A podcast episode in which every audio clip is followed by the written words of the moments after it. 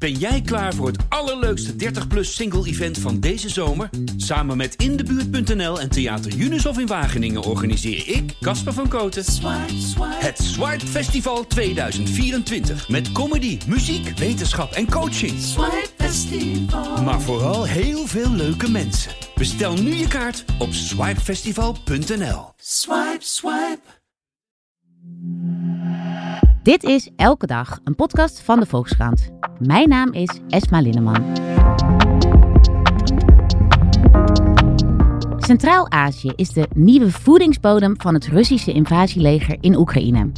Kansarme jonge mannen uit Kirgizië, Oezbekistan, Tajikistan en Kazachstan worden gerecruiteerd door het Russische leger. Waarom doet Rusland dit en welke gevolgen heeft dit voor de gerecruiteerde mannen? Dat bespreken we vandaag met collega Tom Vennik, die voor de Volkskrant de oorlog tussen Rusland en Oekraïne volgt. Welkom Tom. Mannen uit Centraal-Azië die worden geronseld of worden gerecruiteerd door het Russische leger. Wie zijn deze mannen? Uh, het zijn mannen die uh, naar Rusland zijn gegaan in principe om werk te vinden. Arbeidsmigranten dus Arbeidsmigranten, ja. ja. Er is weinig werk in de landen die je noemde. Ja. Vooral in Kirgizië, Oezbekistan en Tajikistan. En het is al jaren zo dat mensen uit die landen naar Rusland gaan om daar geld te verdienen. Dat terugsturen naar hun families. Um, en, maar meestal zijn het geen baantjes in Oekraïne, maar zijn het uh, baantjes in de bouw. Arbeidsmigranten ruimen de straten op in de winter in Moskou. Ze klimmen de daken op om de daken sneeuwvrij te maken. Ja. Ja, het gaat om dat deze soort mensen. baantjes. Ja. En, eh, en om hoeveel mensen gaat het? Zijn het veel al mannen? Uh, nou, er zijn miljoenen arbeidsmigranten Ja. in Rusland. En duizenden van hen zijn in de afgelopen maanden opgepakt door de Russische autoriteiten. Ja. Bijvoorbeeld bij moskeeën, bij distributiecentra waar ze werken, groentemarkten. We weten dat het om duizenden gaat. Uh, hoeveel het er precies zijn, weten we niet. Nee. En hoe kwam jij, uh, hoe kwam dit voor het eerst tot jou eigenlijk, dit, deze bericht? Want ik kan me voorstellen dat de Russische media hier natuurlijk niet over schrijven. Dus Nou, ze dat- schrijven toch nog wel over dat soort politieinvallen. dat wel. Bij ja. moskeeën, ja. En er zijn nog steeds wel wat eh, journalisten die kritisch berichten over Mhm. wat er gebeurt in Rusland, ondanks alle gevaren.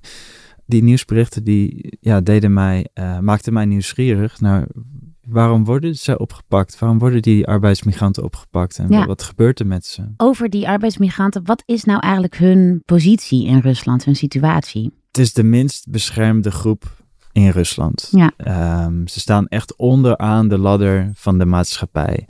Eh, ze hebben de baantjes die Russen eigenlijk niet willen, eh, waar ze hun neus voor ophalen. Het zijn mensen met weinig geld eh, en ook met weinig rechten. Want als migrant heb je weinig rechten in Rusland. Eh, ze worden ook vaak uitgezet omdat ze een migratieregel hebben gebroken. De, de regels zijn heel complex.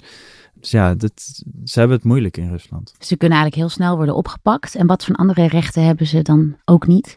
Nou, als je als arbeidsmigrant een woning wil, ehm, wil huren in, in Moskou of in een andere grote stad, dan is dat al heel moeilijk. Hm. Want Russen willen geen woningen verhuren aan Centraal-Aziaten. Ze worden gediscrimineerd, echt op, op grote schaal. Ja. Ehm, eh, Russen zetten dat ook gewoon in advertenties voor woningen.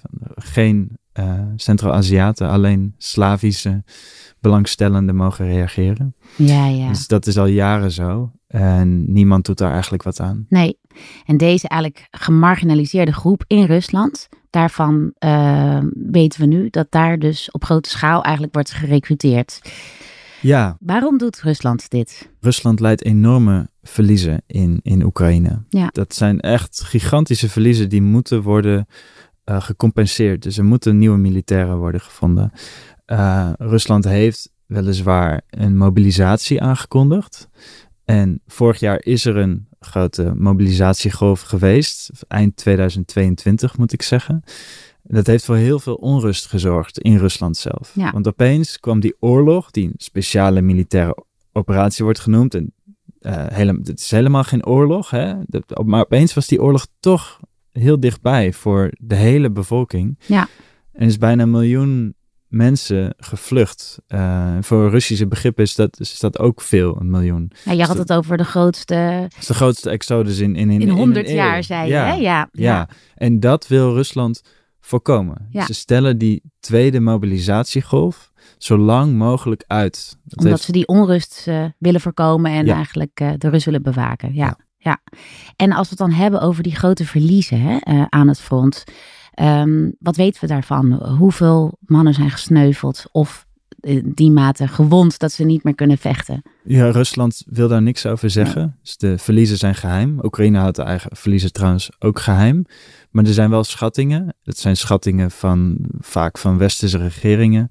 En die liggen rond de, rond de 300.000 uh, Russische soldaten die uh, gewond zijn geraakt of uh, zijn gesneuveld. Ja, en nou begrijp ik dus dat eigenlijk deze ja, recruteringen ertoe moeten leiden om, om dit gat op te vullen. Hè? Ja, ja, absoluut. Dat gat moet worden gevuld. En, de, in Rusland uh, heeft daarvoor dus echt, echt gigantische aantallen soldaten nodig. Ook ja. in de afgelopen maanden uh, heeft Rusland heel veel uh, militairen verloren bij aanvallen waarbij ze ja, mensen echt uh, in, in, een kansloze positie sturen. Ja, dus ja. Die, die gaten moeten worden opgevuld. Jij hebt een hele aangrijpende reportage gemaakt. Daarvoor ben je naar Narin gegaan, als ik het goed zeg. Ja, in Kirgizië. Dat is een stadje in Kirgizië. Ja, in ja. de Kirgizische bergen. En daar sprak jij met um, ja, eigenlijk een echtgenote van, van een van deze mannen. Als ik het goed zeg, Dilbara Turusbek heette ja. zij.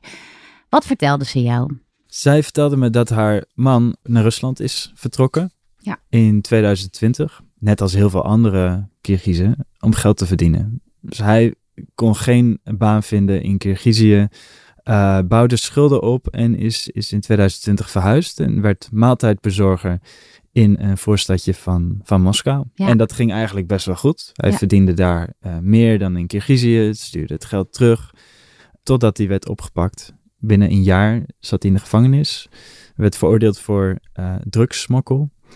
En toen ja, ontspoorde hun leven. Ja, ja, want wat gebeurde er met Borugel, zoals hij heette? Ja, hij uh, belandde in een gevangenis in uh, Novosibirsk, een grote stad in Siberië.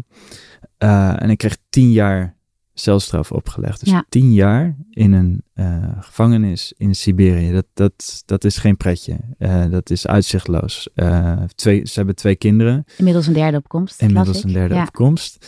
En gevangenissen zijn een, een recruteringsplek voor het Russische leger. En dat was al zo, hè, Dat, met- dat is eigenlijk al zo sinds het begin van de oorlog. Ja. Maar in principe werden daar Russen gerecruiteerd. Dus mensen met een Russisch paspoort. Deze man, uh, Burugul, heeft geen Russisch paspoort. Hij is Kirgiz. Ja.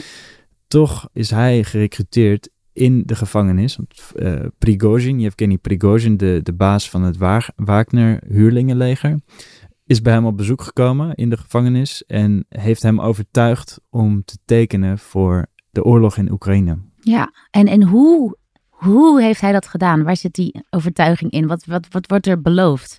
Prigozhin beloofde drie dingen. Een Russisch staatsburgerschap, Ja. kwijtschelding van de straf. In het geval van Burugul tien, Tien jaar, ja. de kwijtschelding daarvan. Uh, en een salaris. Toen heeft hij getekend. En werd hem nog iets verteld of stond er iets in dat contract over de duur van zijn... eh, Ja, hem werd verteld dat het een, uh, ja. een half jaar zou gaan duren. Ja. En daarna zou hij vrij zijn. en hoe lang eh, heeft hij uiteindelijk eh, in Oekraïne gevochten? Hij heeft acht maanden gevochten, vooral in het oosten van Oekraïne. Uh, hij was betrokken bij de, de enorme slag om, om. Ja. Ja, en na acht maanden stortte het Wagner-huurlingenleger in elkaar. En Prigozhin is, is later uh, ook omgekomen bij een uh, vliegtuigongeluk, maar Mhm. waarschijnlijk een, een, een aanslag op zijn vliegtuig. Dus het leger vi- viel uit elkaar en, en hij was opeens vrij Ja. uh, en kon naar huis. En dat heeft hij ook gedaan. Nou, hoe het verder met hem ging, daar ga ik het zo nog over hebben. Maar is zijn verhaal nou exemplarisch voor... eh, is dit hoe het bij veel mannen gaat? Of wordt er ook op andere manieren geronseld en gerecruiteerd? Ja, het is wel een goed voorbeeld, omdat uh, Rusland in gevangenissen uh, ook arbeidsmigranten aan het ronselen is. Ja. Dus mensen zonder Russisch paspoort. Dat gebeurt op, op grote schaal en is doorgegaan na het uiteenvallen van Wagner. Dus nu wordt het ook gedaan door het, uh, door het, door het leger en door een nieuw huurlingenleger. Redout, Redout heet het, ja. Um, dus Rusland is daar niet mee gestopt. Uh, nee, gaat daar, gaat daar nog mee door. Tegelijkertijd zijn er ook veel arbeidsmigranten die uh, op andere plekken worden gerecruiteerd. Ja. Bijvoorbeeld op uh, markten en moskeeën. Markten en in, in moskeeën. Plekken waar veel Centraal-Aziaten bij elkaar komen. Het zijn vaak moslims, dus daarom is uh, een moskee ook een doelwit van, van, van het Russische leger. Ja. ja, die hebben een gigantische recruteringscampagne opgezet. Echt gericht op Centraal-Azië. Ja, en hoe gaat zo'n inval dan? Wat weet jij daarvan? Uh, in de berichten die ik daarover lees, doet de politie een grote inval. Vaak met honderden agenten. Daarbij worden uh, grote groepen Centraal-Aziaten meegenomen in eerste instantie voor controle van de papieren. Ja. En er kan altijd wel wat mis zijn met je papieren als migrant in Rusland. Ja. Uh, de migratieregels die zijn zo complex dat je al snel strafbaar bent en bijvoorbeeld uitgezet kan worden. Of in de gevangenis kan worden gezet. Uh, of je hebt uh, oude verkeersboetes die, nog, die je wel betaald hebt, maar die nu opeens worden opgevoerd ja. om jou het land uit te krijgen. Ja, en ook als je een Russisch paspoort hebt, ben je eigenlijk niet veilig hè, in zo'n situatie, begreep ik uit ja, reportage. Want, sommige Centraal-Aziatische arbeidsmigranten die, die zitten er al heel lang in ja. Rusland en die hebben inmiddels een Russisch paspoort. Ja. Tegen hen wordt nu gezegd, ja, nu is het tijd om je nieuwe land te dienen. Ja. Dus zij ja. worden ook naar Oekraïne gestuurd. Ja. En, en als ze dat weigeren, kunnen ze een gevangenisstraf krijgen, maar hun paspoort kan ook worden afgenomen. Dus Poetin heeft een nieuwe wet getekend, waardoor dat nu kan. En waardoor dus Russische burgers hun paspoort verliezen en worden uitgezet naar hun geboorteland. Dus deze mannen staan echt met de rug tegen de muur. Ja, en soms want- wordt er ook geweld gebruikt Ja, om, om deze mannen eh, te Ja. toch? Ja. ja, een aantal eh, eh, migranten heeft verteld dat ze, dat, ze, dat ze zelfs gemarteld zijn na het weigeren Ja. van eh, naar Oekraïne gaan. Want ja, veel migranten willen niet naar Oekraïne natuurlijk. Die willen het leger niet in. En als ze, als ze toch nee zeggen, ondanks de druk, ja, dan wordt er in sommige gevallen ook geweld gebruikt. Ja. Ja. En als ze ja zeggen en dienen, en in het geval van, eh, van jouw hoofdpersoon uit je reportage het ook overleven, dan lopen ze in hun geboorteland weer risico op vervolging eigenlijk. Hè? Want hoe wordt er in Kirgizië aangekeken tegen mannen die aan het front vechten in Oekraïne? Ja, nou laten we teruggaan naar eh, mijn hoofdpersoon Beknazar uh, Borogul. Ja. Kwam in juli terug in Kirgizië. Eindelijk kon hij weer naar zijn, eh, naar zijn gezin. Eh, kon zijn twee zoons weer zien, kon zijn vrouw weer zien. En dat was in eerste instantie ook een, een, een, een heel blij weerzien. Eh, Hij kreeg een paar mooie medailles, begreep ik. ja, hij had medailles in zijn tas waar hij ook wel trots op was. En Ja. op die medailles eh, staat bijvoorbeeld eh, nou, voor moed of voor, eh, voor dienst aan, het, eh, aan, aan, de, aan, aan, de, aan de speciale militaire operatie. Maar hij heeft er ook eentje waarop staat de vleesmolen van Bachmoed. Ja, Dus hij heeft... ja, Ja. ja. Ja, waar hij wel trots op is. Maar hij kwam thuis met de medailles en de hele familie had eh, voor hem gekookt. Eh, hij was heel blij om zijn zoontjes weer te zien. Zijn oudste zoon moest huilen. Eh, zijn vrouw was ook in tranen. Maar binnen enkele weken klopte de Kirgizische veiligheidsdiensten op de deur. Ja. En werd hij gearresteerd. Ja, en nu zit hij vast. Nu heeft hij een eh, celstraf gekregen van eh, vijf jaar Ja, voor het deelnemen aan de Russische oorlog eh, tegen Oekraïne als, als huurling.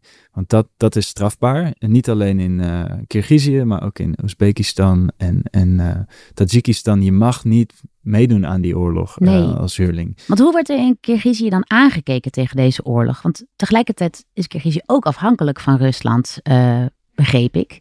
Ja, Maar ze eh, straffen deze mannen ook zwaar. Dus wat... Kirgizië is, is net als Oekraïne een voormalige Sovjetrepubliek. Ja. En voormalige Sovjetrepublieken die zien wat Rusland doet in Oekraïne en zijn daar ook van geschrokken.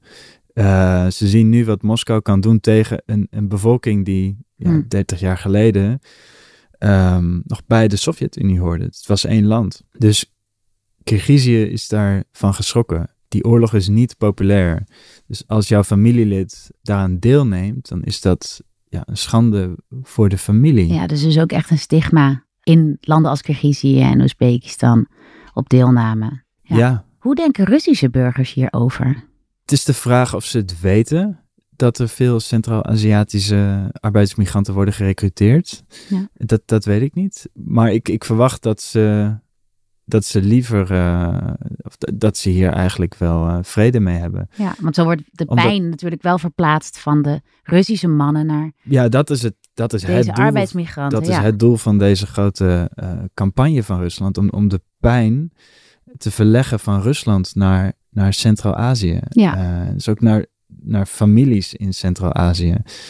Uh, want al die soldaten hebben uiteraard uh, gezinnen. En, en in Rusland ja, lijden die natuurlijk in zekere zin ook onder de oorlog. Mm -hmm. En nu wordt die pijn verplaatst naar uh, Centraal-Azië. Ja, en op deze manier kan er ook steun blijven voor deze oorlog in Rusland.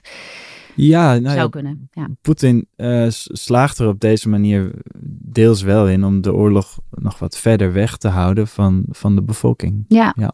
Rusland die doet ook allerlei beloftes aan dit soort militairen. Je had het eerder ook over een salaris, uh, een Russisch paspoort.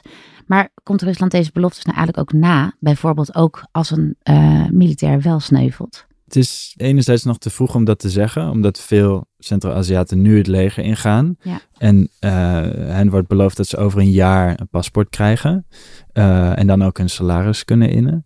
Dus dat, dat weten we niet. Maar als we kijken naar de mannen die zijn omgekomen of zijn teruggekomen, Beknazar uh, Borogul, die, die is terug, heeft inmiddels een Russisch paspoort gekregen, maar pas nadat hij in de problemen kwam in Kirgizië. Dus hij heeft nu in de gevangenis, heeft hij te horen gekregen, je krijgt een Russisch paspoort. Wat hem aanvankelijk, uh, uh, wat, wat hij eigenlijk al had moeten krijgen. Ja. En er is ook een groot aantal Kirgizen al omgekomen. De nabestaanden van deze Kirgizen vindt het heel belangrijk om het lichaam terug te krijgen en om uh, schadevergoeding te krijgen. Maar Ja. vooral het lichaam, dat, dat vinden ze heel belangrijk. Om een islamitische begrafenis ook uh, Juist te kunnen organiseren. Ja. Ja, dus ze willen het lichaam terug uh, van hun uh, naasten. Ja. Maar dat gaat in heel veel gevallen ja, mis. ja. En ze mogen de kist ook niet openmaken als die wordt teruggestuurd. Dus de vraag of het echt het lichaam is, Ja, ja is van hun geliefde, dat is heel ongewis. Veel nabestaanden hebben geen Ja. idee waar het lijk van hun naaste is. Ja, ja. Rusland zegt daar vaak niets over. Als er wel een lijk is, dan wordt het soms wel teruggestuurd naar Kirgizië, waar de nabestaanden dan vaak zelf voor moeten betalen. En soms zijn daar ook voorwaarden voor, heb ik eh, gehoord van een advocaat die eh, nabestaanden bijstaat. En die advocaat vertelde me dat een van de voorwaarden bijvoorbeeld is als je de kist terugkrijgt, dan mag je hem niet openmaken. Dus je moet een, een, een video maken van de begrafenis, waarbij te zien is dat de kist verzegeld is, ongeopend uh, de grond ingaat.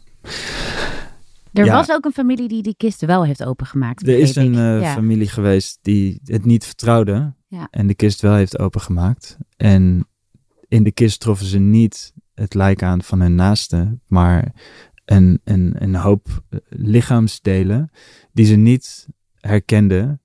En die ze nu naar een eh, laboratorium hebben gestuurd voor DNA-onderzoek. Om te kunnen bewijzen dat het inderdaad niet hun naaste is. Ja.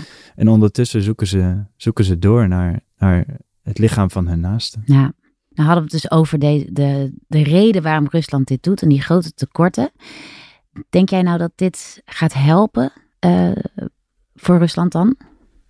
Is dit voldoende of vermoed je dat Rusland ook misschien nog andere groepen gaat recruteren uit andere landen? Nou, er zijn ook voorbeelden van uh, Nepalese arbeidsmigranten die zijn uh, geworven. Mensen uit Cuba. Dus Rusland zoekt absoluut in het buitenland. En de grootste groep buitenlanders in Rusland, dat, dat zijn de Centraal-Aziatische Ja. arbeidsmigranten. En dat, dat helpt bij het versterken van het invasieleger.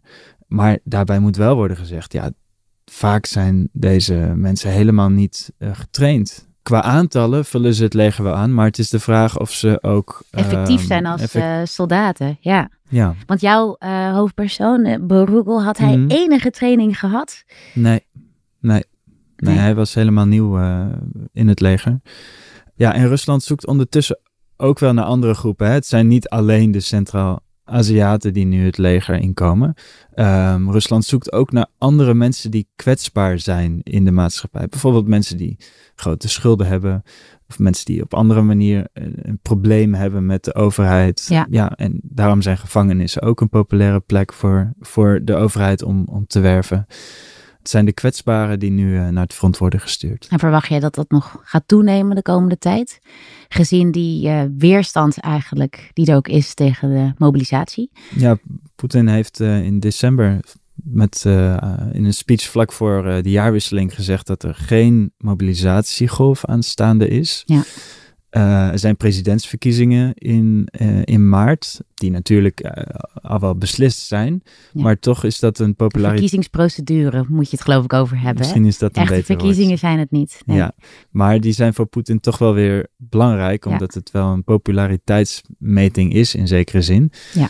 Rusland zou in ieder geval geen mobilisatiegolf willen aankondigen voor die verkiezingen, verwacht ik. Nee, dankjewel voor je komst naar de studio. Graag gedaan.